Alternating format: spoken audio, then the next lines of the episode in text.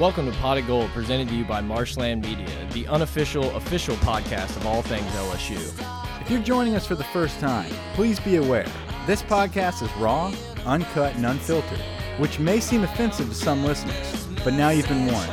So sit back And relax as you're now entering Studio A with your host,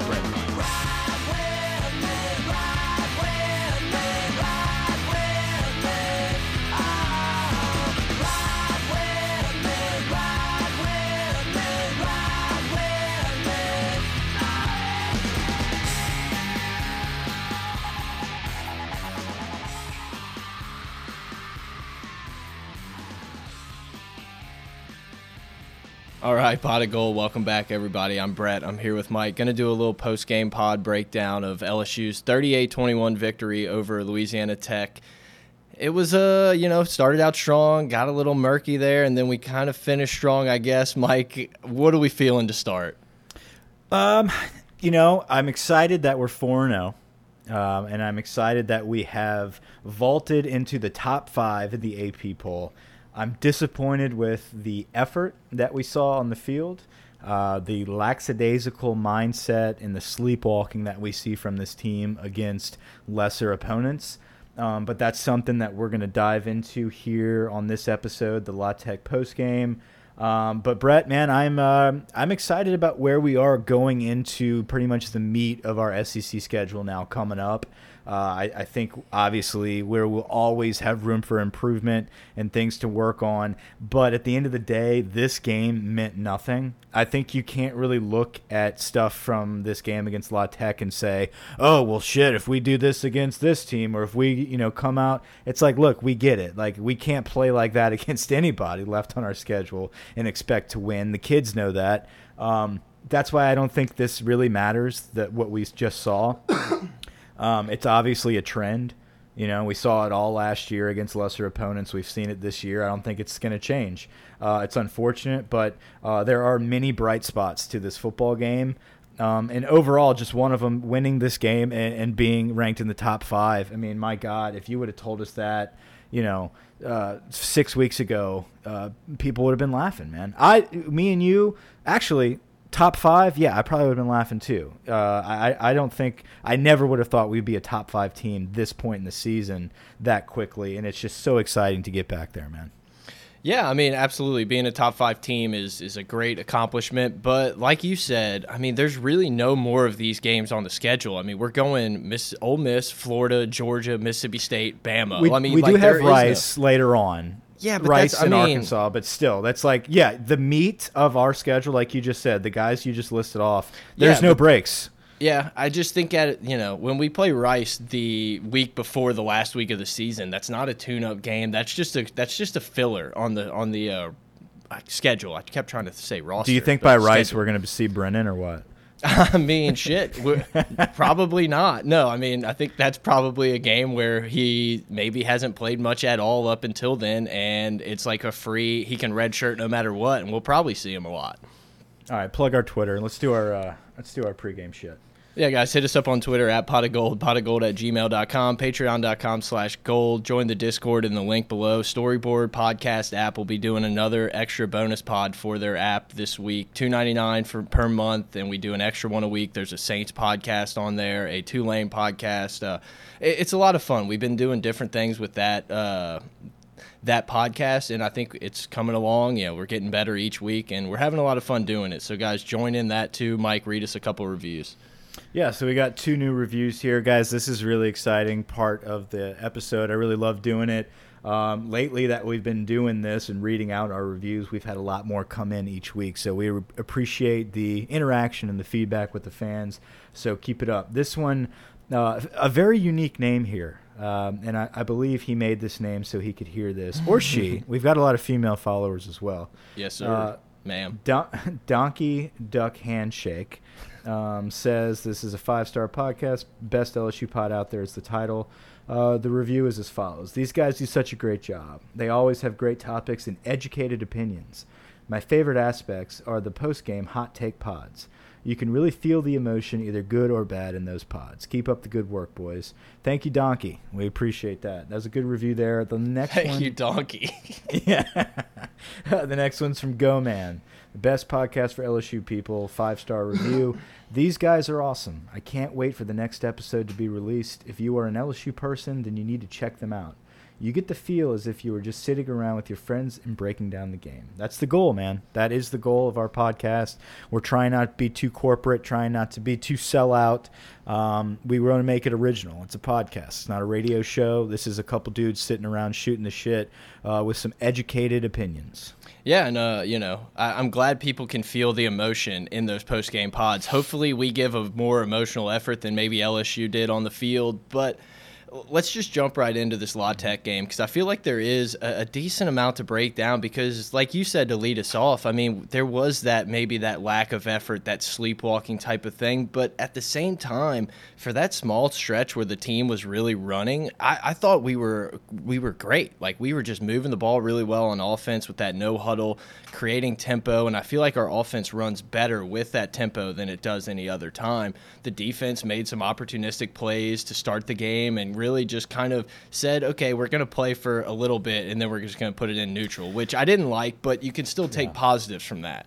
Yeah, you absolutely can. And and you know, you you said it right right there as uh, you know, we've been coming out of the gate hot. And we've seen that since day one. Uh, the first game against Miami, we come out of the gates hot. We came out of the gates hot against Southeastern and as well as Auburn. We hit them in the mouth and then we also see it on offense. Sure, offensively, the very first drive we might have stalled, but the second drive and thereafter, throughout the first half, we were on fire. And you know, it's whenever we play these lesser teams, it's become a trend that we are going to focus on ourselves. We're we're not focused on what La Tech is showing us. Where whenever we're playing Auburn, we're focused on what Auburn is showing us and how can we attack that defense. Against La Tech, we saw us line up and say, you know what? If we can run out of the gun, if we can run out, out of the spread offense, zone schemes, and have Brossette, you know, just run at will, uh, we're going to do that, and that's all we're going to do. But the tempo was there. The tempo was what uh, what you have brought up that I found extremely interesting that we were able to execute. Um, a lot of times in the past, and I'm, I'm talking about LSU football teams uh, from the past few years, we create tempo, we go backwards because we're not picking up our blocks. We are not getting the cadence right. We're having false starts. But you brought this up before we recorded. We were able to see us execute better whenever the tempo was on, and we saw that in the beginning of this game. Brossette was running through wide open holes. Um, uh, Clyde Edwards Elair, Elair um, I, have been saying Hilaire, but you know apparently it's Elair now. Uh, Clyde was running through through good holes, but he's a downhill runner that had a burst. Probably our player of the game this week. Uh, just a breakout performance. The running game looked excellent, especially uh, you know. With that being said, we had young offensive linemen in the game, and we were dominating in the beginning of the game. When we wanted to throw, off of those running plays, we were able to throw. We were finally able to see Foster Moreau get involved in the passing game.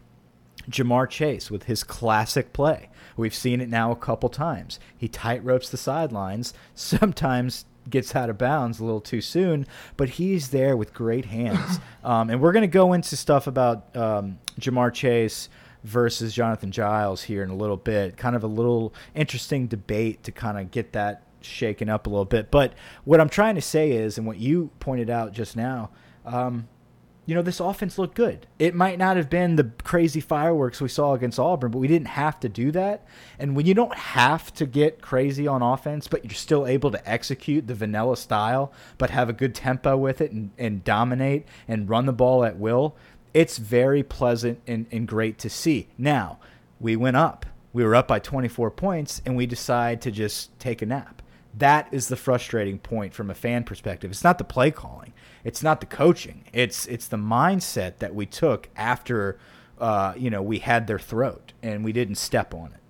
Yeah, no, absolutely. This offense just looks more comfortable when it's in a hurry up. The offensive line seems to just, for some reason, gel a little bit better. I think you have a great leader and a commander back there in Joe Burrow that he's a meticulous guy. He has it all set up the way he wants, and it's just, they just run at so much better pace. It feels like there's less of the dumb penalties and the mental mistakes and everything like that. When we have that tempo, it's when we decide to slide that thing in neutral and coast down. That's when all of a sudden we get a false start, a hold, a, a chop block, stuff like that. It just kind of gets yeah. us off rhythm, off our pace, and uh, it, it's just I, I would rather us have that killer mentality of just like, hey, we're gonna have our foot on your throat for at least all three, the, the first three quarters.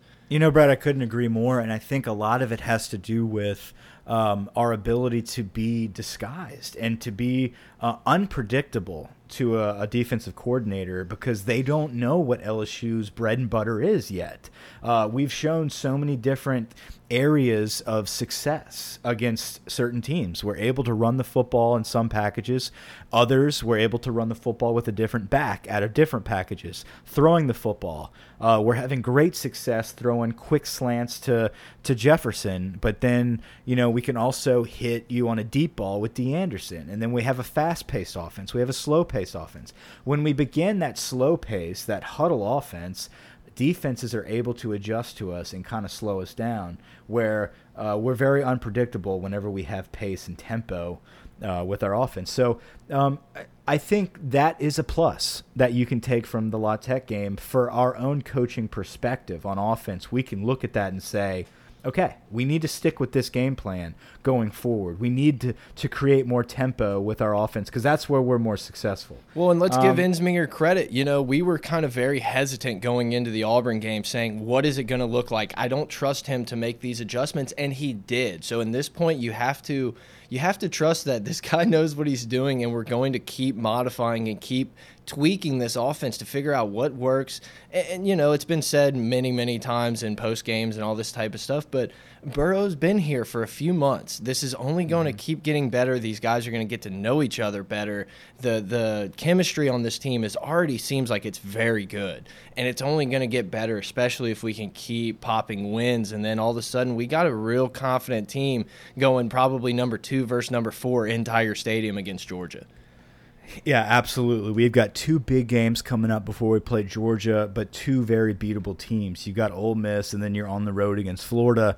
Listen, Ole Miss coming in with the worst defense in the SEC, an 8-15 kick in Tiger Stadium. That's a very, very winnable game for LSU could be hiccups. We'll, we'll, get into that in our pregame pod with Ole Miss uh, later this week. But then on the road against Florida, a little tougher test, but still, LSU's the better team there. If you're able to get those two wins, like you said, you're going into the Georgia game at home. Uh, two top five opponents, probably number two versus number four. Uh, you know, a playoff on the line type atmosphere. Um, you know, anything could happen there. So there's a lot of stuff we need to work on. We need to find our identity. We don't truly have an offensive identity. We kind of do whatever the defense is going to allow us to do. Um, and we're actually doing that very well. I'm not saying that's in, in a bad way. I think we are able to execute in a very good good way. Um, against La Tech, though, we didn't. I don't think we knew exactly what we wanted to do. In the beginning, we did. Um, then we had another injury to the offensive line, and that threw a big wrench in there. I, I don't like to make excuses, uh, but I will say this whenever you have, to begin with, you've got a, an offensive line that needed some work to begin with, and then you take out three starters, and your only two remaining guys left are Lloyd Cushenberry and Damien Lewis, who mind you, could be the best two out there. I, I, you know, I ate my crow on Cushenberry. I think he's excellent, but you cannot just have those two who have no experience but the three games prior to be your guys leading the younger guys through an entire game. Um, the adjustments on the line of scrimmage, uh, the leadership that Brumfield brings. I mean, it, it's a five man unit. That's what that's how offensive line is played. It, you can't just have one or two guys go down and just fill in the gap with another body. It's a unit. You have to. It's everyone moves as one. You know, it, it's a gel. You prac you practice together. So the longer we have this little shuffleboard of offensive line, the longer it's going to take for us to to be a cohesive unit. That is a little scary for me um, because uh, you saw what can happen. Deculus had a great game against Auburn. But then he goes in against La Tech and he's playing against uh, Ferguson from La Tech, who's a great defensive end. Uh, he kicked his ass. I mean, Deculus had a had an off game. When one has an off game, you need to have your top left tackle Saahdiq Charles in there picking up the slack. You need to have the interior O line picking up the slack so you can play away from Deculus if he's having a bad game. You don't have that luxury when you've got Traore in there getting his ass kicked as usual, and then Brumfield goes out. So now you have a fresh Chasen Hines, who listen, who is great.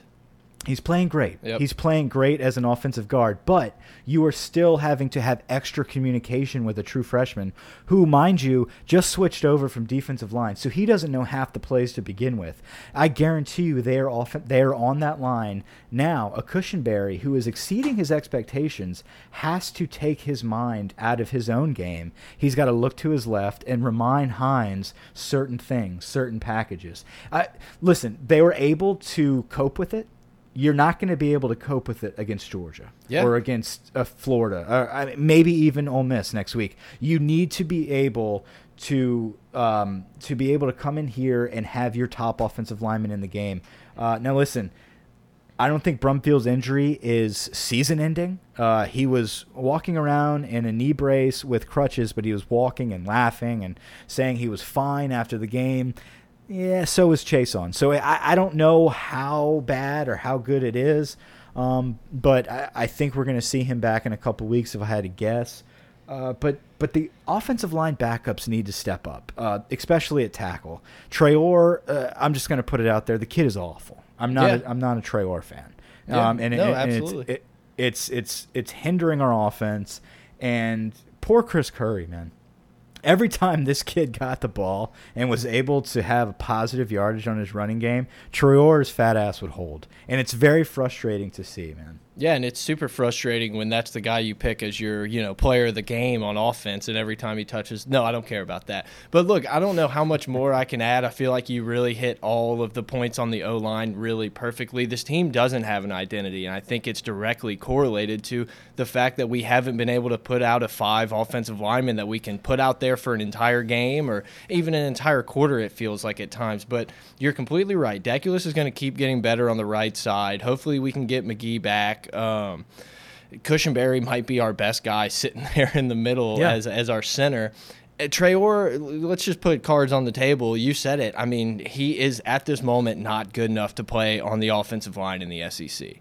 It's just a No. fact. I think Yeah. Hines is a guy who can come in there and definitely be able to contribute and help. And I don't think you're going to see this huge drop off because he's shown a lot of promise. But at the same time, it's like you really want Brumfield back. But Traore, You we got to get out of here. Yeah, Traore needs to leave. Um, uh, and you know what? Uh, we we do have those tackles there. Saahdiq Charles is hurt. Magee is hurt. Deculus can play tackle, uh, but Deculus is still young. He's going to have his off games. So, uh, you know, you need that extra guy. And Traore, we thought was going to be the big guy that we got out of JUCO to be that extra body in these type of situations, and he just he did okay okay against Miami. Since then, he has not held his own at all. Um, he is slow. He cannot reach block on any of the zone plays. Um, he is holding his ass off on the pass protection. Uh, it, it's he, it's a big body of work that he needs to, to to work on. Hopefully, by next season, he gets a little stronger in the weight room and he can be a, a dependable backup. Uh, but this is not a starting tackle in the SEC like you talked about, and it's Yeah. it's pre it's preventing this offense from doing what they want to do. Uh, our only hope is that Saahdiq Charles, wh who is okay, if if we were playing Georgia last night, Saahdiq Charles was our left tackle. It- he's got a lingering injury um, that can be healed, uh, you know, with a couple weeks off here or there in between big games, and that's fine um, as long as he's good to go in the big ones. Now, Brumfield in there, that's big. We need Brumfield in there for his leadership ability. At right tackle, we need Magee in there. I love Deculus, but if Deculus can come in and be that swing, listen, our offensive line drops like a like sniper fire, man. It's like we're going to have to play. yeah, like we need these bodies to be healthy because Deculus can slide in there when Brumfield's got an ache and pain in his knee and play guard. Right. Or you know Magee's not back to full strength yet. Fine, put Deculus at right tackle or put him at left tackle. I just don't want to see Troy at there. Let, us just put it that way. And and like you said, Cushenberry is playing great. Damien Lewis has gotten better each week. He is that guy that we've talked about in the offseason as potentially the best guard we have. Um, he had a little sloppy start, but he's gotten better and improved. Cushenberry reminds me of Ben Wilkerson. He's just a, a squatty guy.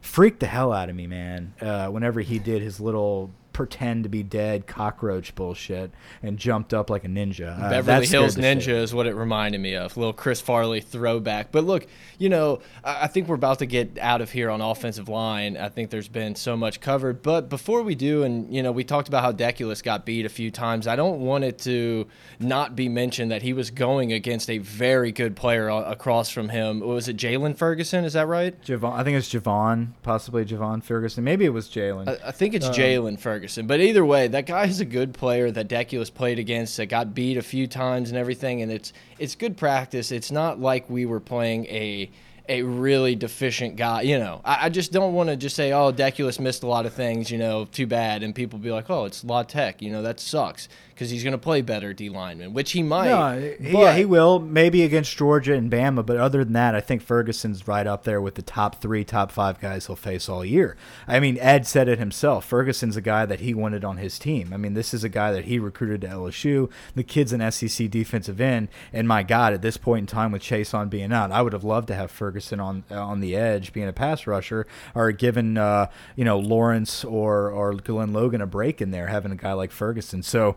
Yeah, uh, but yeah, if you I listen mean, to Ed, we would have like 23 a year scholarship defensive linemen. So I mean, he wanted Auburn's whole D line too. Yeah, like exactly. He, you know, he knows D line. He recruits the shit out of those guys. So uh, speaking of that, man, that 2020 class. I don't know if you've been reading anything Shea's putting out, uh, but they've got a kid Guillory from Alexandria. Um, they've they've got a couple other young guys. Aside from, I know I'm going off tracks here, but Ishmael Sopsher is in this class coming up. He's a five star defensive tackle from Amite.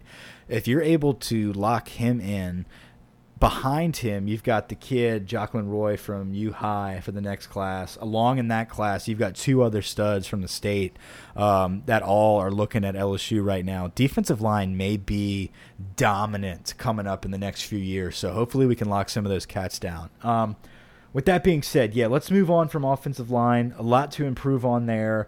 Uh, they played great against Auburn, sloppy last night, but again, three starters out we should see improvement when we're healthy and ready to roll there.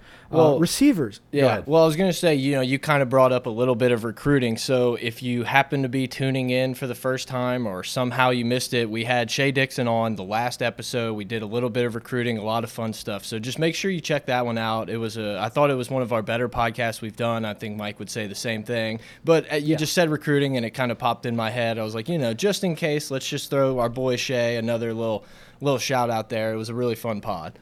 It was a great pod, and we absolutely um, plan on having Shea Dixon back towards uh, maybe towards the end of the season, but especially during recruiting season, we want to have Shea back on um, so, give, so let me let me throw some yeah. love here at D Anderson because I've been wanting. You know, we kind of did it already, and uh, you know now is another game that D Anderson was just. Uh, you know, we can talk about Jefferson being the guy, and I, I still think he is, but D Anderson is Joe Burrow's probably number two most trusted ally on the field. Anytime there's a big play, there's a big third down, that's the guy he seems to be looking at.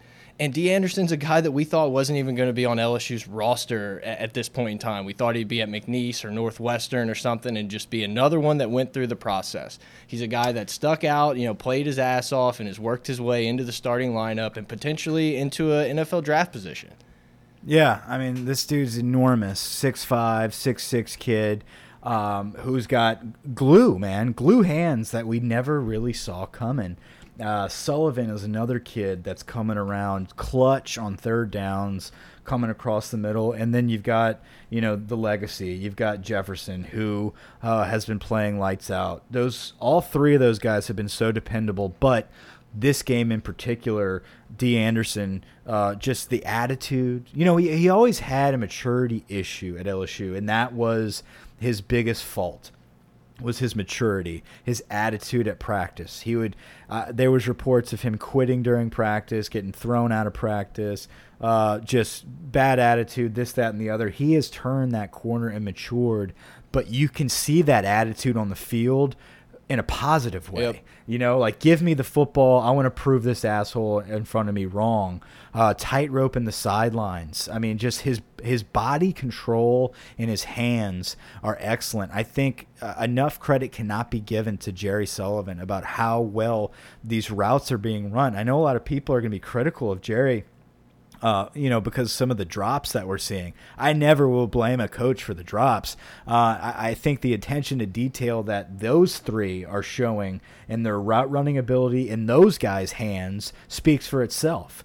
Uh, you know, just because Jonathan Giles uh, was awarded number seven for being a scout team player last year, now he's got the dropsies, doesn't mean that a guy like D. Anderson, who has come around a long way and is our best player on offense aside from Jefferson, um, you know, you got to give the credit there where credit's due. Uh, and like you said, Anderson could sneaky, sneaky develop into a draft pick, man, with that size and just uh, clutch effectiveness in this offense. If he keeps playing like this, that's a weapon that you have to stop on defense. And it just opens up the game for other guys like Sullivan, who's another big, rangy guy, like Jefferson, and a guy that we feel.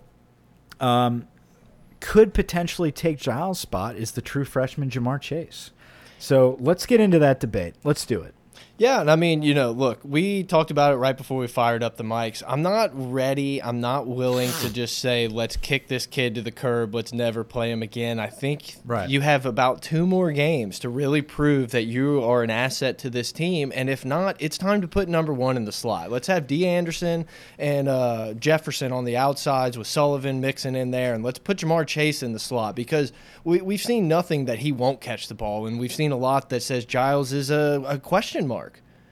Yeah, and like you just said, I'm not ready to bench Jonathan Giles. That's that's not the point here. Uh, the point I'm trying to make was a lot of people were on this on this bus of benching Giles after Miami because oh he wasn't the big playmaker we thought, and then against Southeastern same thing against Auburn some drops. Um, now against uh, La Tech uh, a couple drops in a row.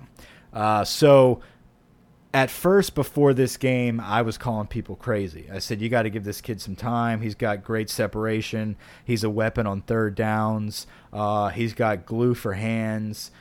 Uh, all this kind of stuff. I'm not ready to bench him. Now uh, I, after this game i'm on that bus. Not to bench uh, but he deserves criticism. And a lot of it has to do with the number. A lot of it has to do with him wearing number seven and i get it uh, everyone's so used to seeing John, uh, you know, number seven being the big playmaker. Um, and and he does not deserve the number seven. I agree. I get it. Uh, but at the same time, we had no one returning on offense, and I don't know if anyone on offense deserved number seven to begin with. And I think that's stupid to get that fascinated with who's wearing what number and this kid deserves this. Blah blah blah. Uh, at the end of the day, I care about production on the yeah, field. numbers right aside, now, prove it on the field.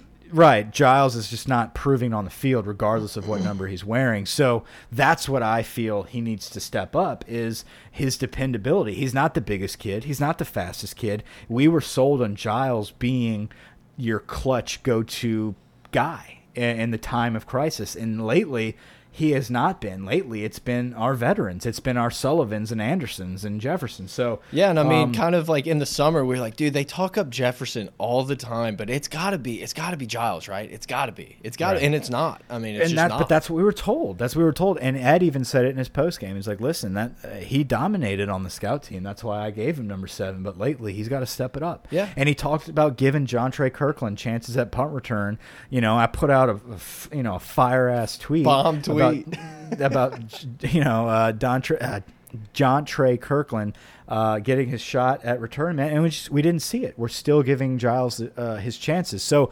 Giles has had all the opportunities he needs to be a playmaker in this offense through four games. Like you said, though.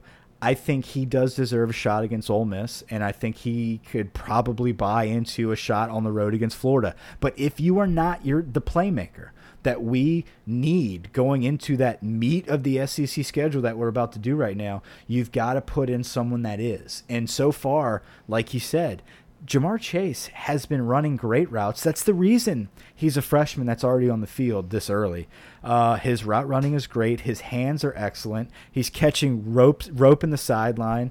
Um, put him in there, man. I think he can be dependable across the middle, playing that slot. He's a very aggressive, strong, uh, just amazing potential wide receiver uh, that I would love to see get in the game. So, with that being said, does Giles need to be benched for Ole Miss? No. Does he need to be benched against Florida? We will see. If he doesn't produce those two games, I would love to see a new face in there against Georgia. Yeah, I mean, there's just no difference between Giles and um, number 19, Derrick Dillon. Sorry, I blanked on his name for just a second. It, I mean, they're just there's no difference. Uh, better, yeah, other than that, than uh, Dillon's playmaking ability against Auburn.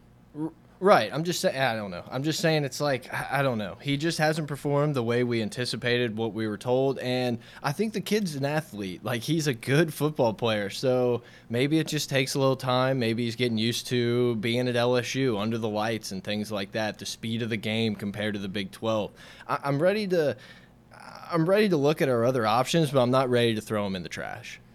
Exactly. Uh, I think he does create some form of mismatch on our offense. Um, I, I, think people have to respect him, um, but that's slowly fading. I, I, feel like until he starts making some plays, it doesn't matter if you're not covering him or not. So um, that is yet to be seen. I hope this next week against Ole Miss we can start utilizing Giles, and if not, we'll find somebody to step up in there, and, and hopefully Giles will come back around later. Um, you want to switch to defense? Let's yeah, go. Yeah, I mean, I think we should talk about stuff. Burrow for just a second and a half. The running backs played awesome. Helaire was great. Brossette was great. I thought Burrow played really well. I thought he was, you know, in control of the game throughout the game. We had the fumble that was probably not the best, but let's get that one turnover for the season out of the way. I don't know, man. I just every time I watch this kid play, I just like I fall in love with his his leadership and the way he plays the game more and more.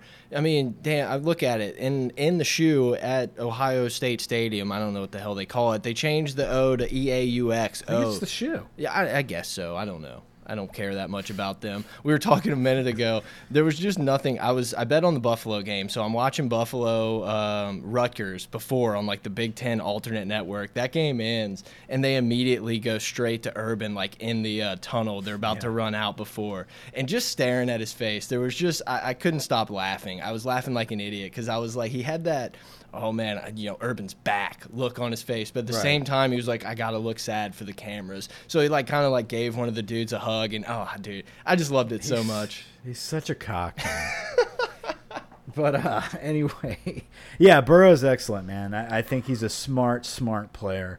He's a great quarterback to have lead our team. I couldn't be happier. My gripe right now uh, is that we haven't been able to develop Myles Brennan as a backup. Yep, and absolutely. The minute Burrow goes down, we're in trouble. Uh, and and I would love to be able to sit here and say, no, it's fine. Brennan got some snaps last year. Brennan didn't show us anything last year that makes me feel like he could lead this team into the SEC.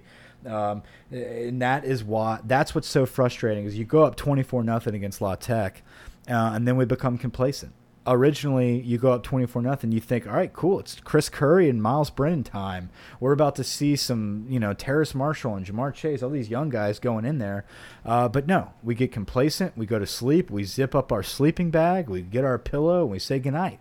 Uh, so that's got to change because we have to develop myles brennan at one point. Now uh, you know the next time you could see myles brennan in mop-up duty is against rice other than that, you're going to see him against an SEC opponent coming up. There's going to be a time where Burrow, you know, heaven forbid, gets knocked out and has to leave for a couple a couple series or a couple plays. Helmet gets knocked off. You know, Brennan goes in. He can handle it. I'm just saying if there's any stretch of game coming up against these top defenses we're about to face, I would have loved to have seen Myles Brennan have a little more experience this year with our guys. But we didn't get to see that. That's my gripe from the offense, other than the offensive line. Yeah, I mean, I couldn't agree more. I think it's time to switch it over to the defense. We're already about 30 minutes in here. I didn't say it whenever I plugged the Twitter and all that stuff at Pot Gold and everything. Uh, we started with the Shea Dixon episode. We started uploading them to YouTube also. So if that's an avenue you would rather listen to the pod and you don't like the podcast apps and stuff like that, I'll try to keep uploading each one. There's no video yet. All of that stuff's coming in the future. It's just the Pot of Gold picture, just like the podcast. But if you'd rather use YouTube, check that out, guys. The YouTube page is Pot of Gold.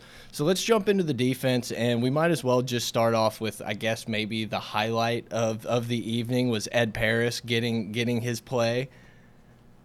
Oh, and then headbutting the shit out of Eric Monroe without a helmet. I think that was beautiful. I watched it on Ed repeat Paris, like thirty times. That is that just sums up who I think Ed Paris is as a person. Uh, if you follow his Snapchat or his Instagram, I mean that's that's Ed Paris, uh, Grandpa Ed, Old Man Ed. I mean, the guy was there when we were in school, probably. I don't know, maybe. The Perry um, Ellis of LSU football. Yeah. Uh, so yeah, great play. Runs off the sideline. He headbutts Eric Monroe in the face. Eric Monroe obviously does not have a helmet, um, but but the face that Ed Paris makes after he does it is just like I don't give a shit. No, and I just did that. It was like you know, he was on the that. runway. He was like snapping neck with like this uh, this looked face, and he was I don't know. Speaking of runway, well, Guice was like on the runway for the Redskins. That's what it reminded me of. But uh, so at defensive back, you've got a unique little situation back there. Uh, for starters, you had Todd Harris playing for John Battle. Um, and the reason Ed Paris was in there for a lot of the time was Grant Delpit was injured for a substantial portion of the football game. Um, he came back. Delpit's injury looked like it had something to do with his upper extremity, his arm, uh, forearm. I say extremity. I'm sorry. I'm going back that, to work. That was the Les but, uh, Miles uh, of all Les. He has a contusion on an extremity that is uh, conducive to catching. I'm sorry. Well, it's the weekend. I can't speak like that. So anyway, um, but uh, at defensive back, you had Fulton, you had Kelvin Joseph playing a lot at corner. Uh, Greedy had a greedy game. They weren't really testing him too much. I think they had one or two catches against him. We talked about this earlier. There is some concern uh, with our young defensive backs. Uh, not enough to freak out over, but enough to raise an eyebrow and say, hmm, if we were playing a top passing offense this week, um, it'd be a little scary. They would move the ball on us a little bit. Now, we did go against Jarrett Stidham, and we were able to shut down that passing attack. But I, I think what people don't understand about Auburn's passing attack is it's it's a very predictable passing attack that is designed around a run game where when you go against hell i hate to say it you go against the alabama type th throwing teams and the way they're playing offense these days um, it's something that you're going to have to respect because there's so much safety fakes that uh, our, safeties are going to have to play very sound football in order to not get bombed on basically. Um, and we saw fulton and Kelvin Joseph uh, just be a step too slow, be a step behind. These are young corners. Kelvin Joseph, like you talked about before we struck up these these mics, uh, is he's a young kid. He's fresh out of high school. Uh, he's a, a, safety that's been converted to corner uh, out of necessity, and I feel like he is just an inch too, too slow. He's almost like a Kevin Toliver. Yeah, we call athletic. that the Kevin Toliver effect, being being in the right spot but not not ready. Yeah, and then Fulton, he's a guy that's been sitting out a couple years and he's getting rusty. But they are improving each game. They're there. They know their mistakes. It's just their technique you can see is a little rusty. It's like they it's like a bicycle that's been sitting out in the rain. You got to break it in. You got to oil them up. And these are the games we had to oil them up. Um, they just they were making good plays against them. Uh, Fulton kind of reminds me of Jalen Collins, a guy that over time got better, but in the beginning was just like, man, you could be so good.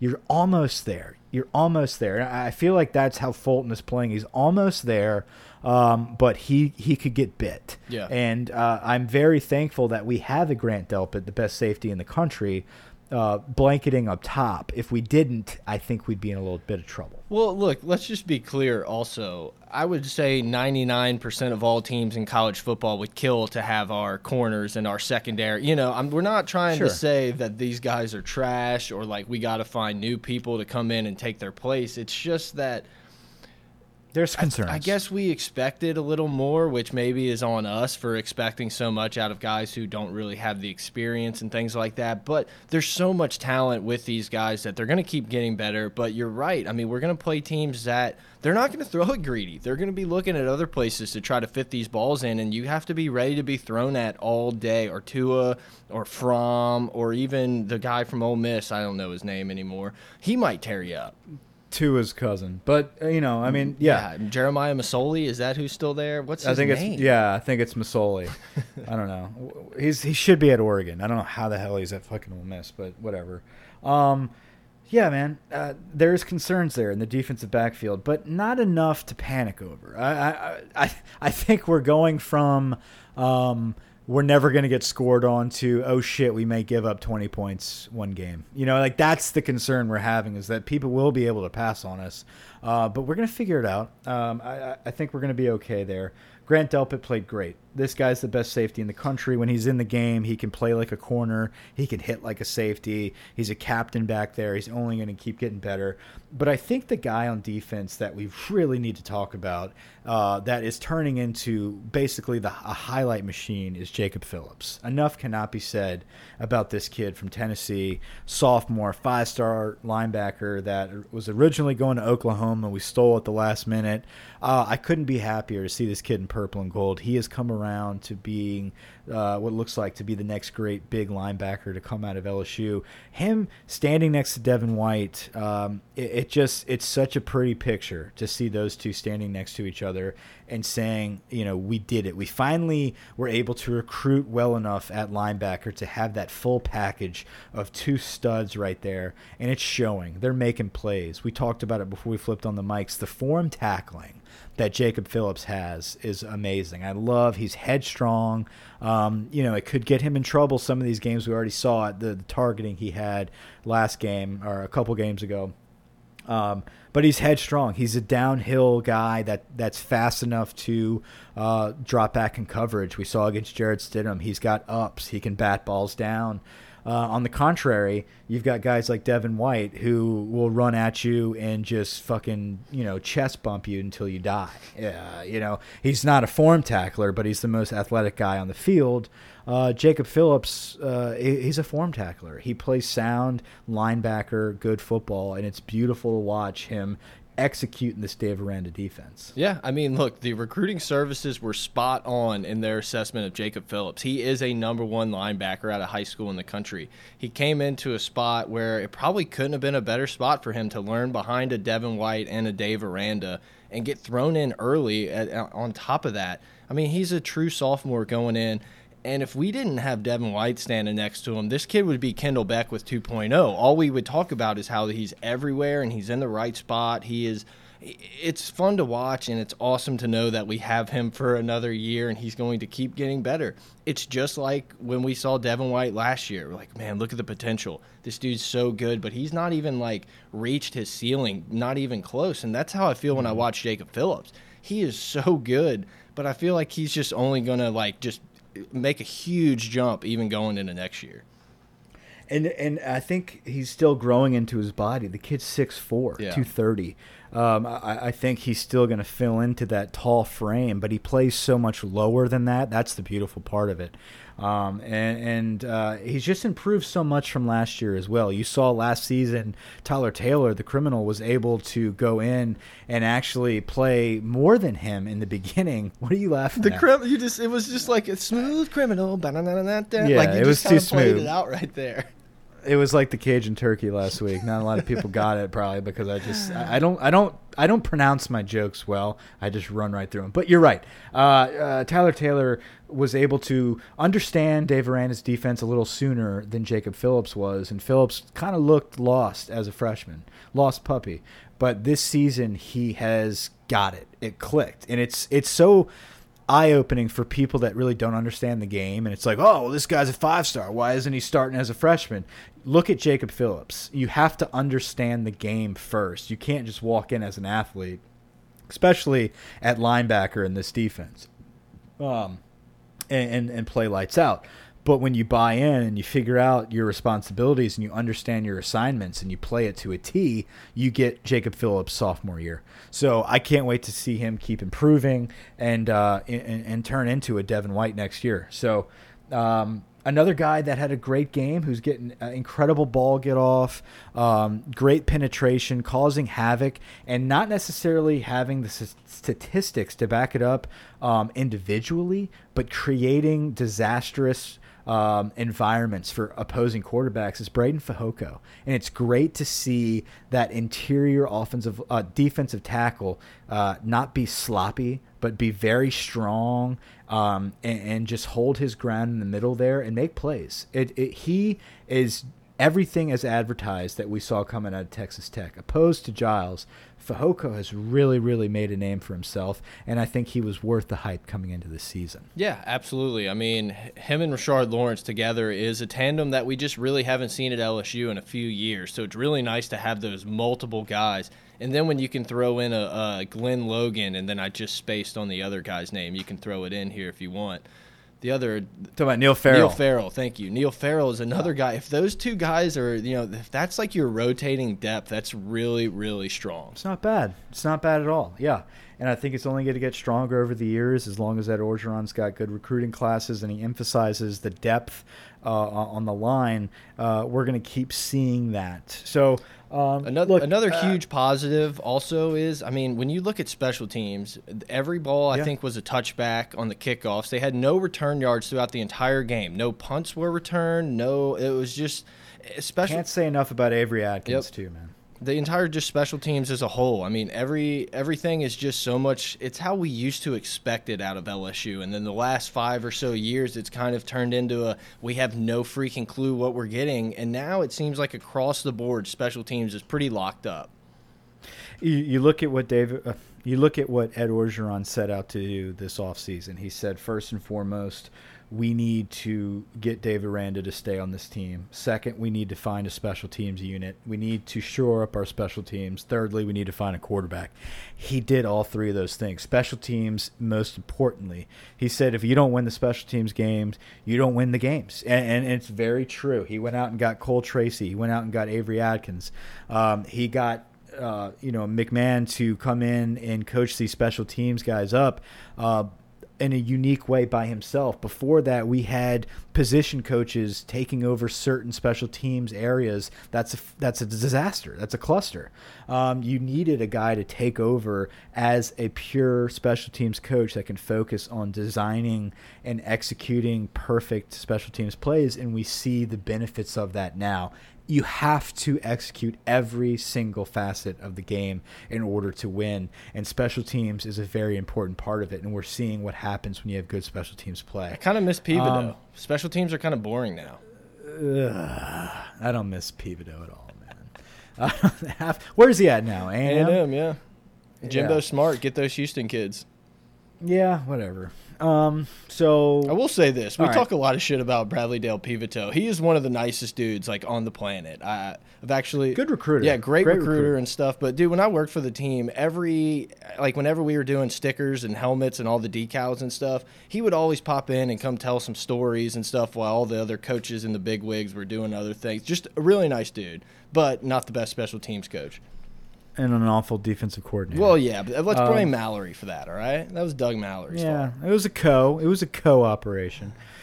So, uh, you know, a 38 to 21, not that thrilling victory over La Tech. It means nothing. Um, we saw some bright stuff. We saw some negative things. Again, just like against Southeastern, this is not the team you're going to see against Auburn, against uh, uh, Ole Miss next week. This is not the team you're going to see. So uh, with that being said, I'm excited about the game coming up next week, an 8:15 kick against Ole Miss. Um, looking back at this game, you had some MVPs. I think we went with Clyde as our offensive MVP. He ran away at his breakout game. Yeah, it's like we talked. We've really covered like every position group. It almost felt like we planned this out. I don't know if you kind of been paying attention as we've been doing this pod, but it feels like this was structured, and it was not at all. We went through each position group and kind of talked about the highs and the lows. But you're right. It's it's Helaire on the offensive side of the ball. You can make an argument for Dee Anderson. Um, and then on the defense, it's just Jacob Phillips was just the dude. Yeah, he was all over the place, and then we kind of we said maybe a a co defensive guy, you know, give Papa Ed Paris uh, a little hype there. So, um, yeah, decent game. I love the jerseys. I love the throwback purple, man. I, am a I'm a huge huge purple fan.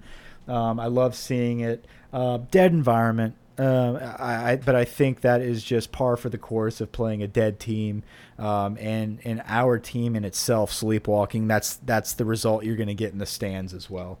Um, so I, I think against Ole Miss, and I think from here on out, Ole Miss, Mississippi State, Georgia, Alabama, you're going to have hype atmosphere. So I'm not too worried about that.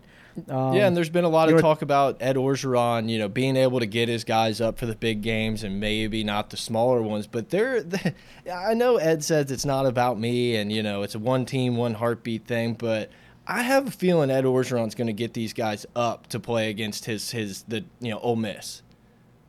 It's not his Ole Miss, bro. I was gonna say I was gonna say his former employer. His you know team. his la- I, I, don't know. I didn't really know how I was gonna word it, but you know what I'm saying. Ed Orgeron is gonna yeah. get those boys fired up for this game. Oh, absolutely, and you know it's it's one of those games. Uh, it's always his Ed Orgeron is always referred to as the former Ole Miss coach, the worst Ole Miss coach in history of Ole Miss football. Blah blah blah. He has um, a vendetta against Ole Miss, and it's pretty exciting to watch. And I can't wait to see him uh, exploit that. Um, other news around the country: uh, Mississippi State big losers to Kentucky. I love Big Blue, man. Kentucky looks good. It's fun to watch. Somebody in the East throw some curveballs in there. Good for um, Stoops in Kentucky, man. They got Absolutely. they got shit on in the East for years and years, and he's just quietly kept building these, you know, not good, not great, but good recruiting no. classes. Kept picking but, guys. I just blanked on the running back's name. I I, I need to start like writing. Benny Snell. Yeah, Benny Snell. Snell. Snell's a guy who was you know a prize type of recruit for Kentucky. Talks a lot of shit. I like it. I love it. And, and, you know they didn't really get a ton around it but you see those guys getting older and through the program and you know trust the process however you want to say it and it's just i'm happy for kentucky I am very happy for Kentucky. Look, by no means are they going to win the East, but they're going to upset a team like a Mississippi State, a team that you know people are hyping up as the next big thing in the West, and uh, the program is on the rise, and they could go undefeated into the Bama game. All that bullshit. Um, it's good to see Kentucky knock some sense back into them.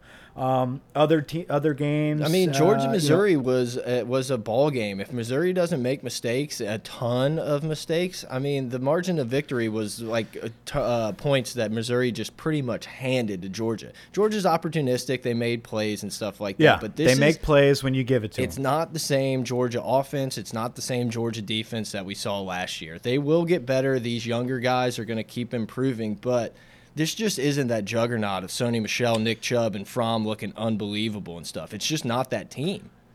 Yeah, you're right. Uh, I think my interpretation of Georgia is that they are a top 10 team, maybe top seven, top eight team. They're very good and they can capitalize on your mistakes, but they are not going to come out there and just curb stomp you. I don't think they're the number two team in the country. I don't know who is, um, but I, I, I don't think Georgia is a top two, top three team.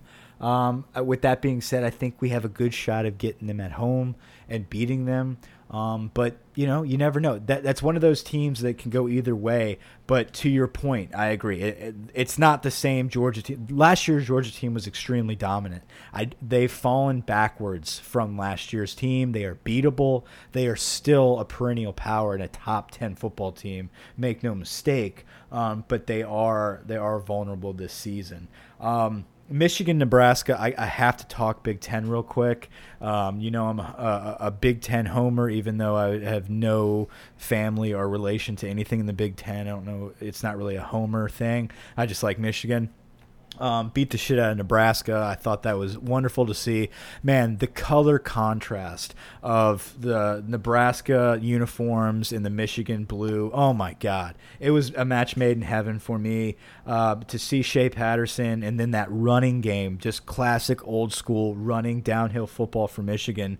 Um, I think they are slowly finding out who they are um, and they they're going to upset somebody in that Big Ten conference this year. I don't I don't think they're going to win the Big Ten like I originally predicted. Obviously, Ohio State looks like the team. Um, but I feel like maybe they could shake it up a little bit, maybe beat a Michigan State, a Penn State, possibly go to battle with Ohio State. So um, good to see that there. Stanford game was crazy last night. Yeah, Stanford number seven, you know, barely wins a game that Oregon kind of handed over to them in overtime. So number seven, Stanford gets out a win. You know, they're right around LSU in the rankings. Also, Oklahoma gets taken to overtime by Army, something that no one was really anticipating. I think the spread was like 31.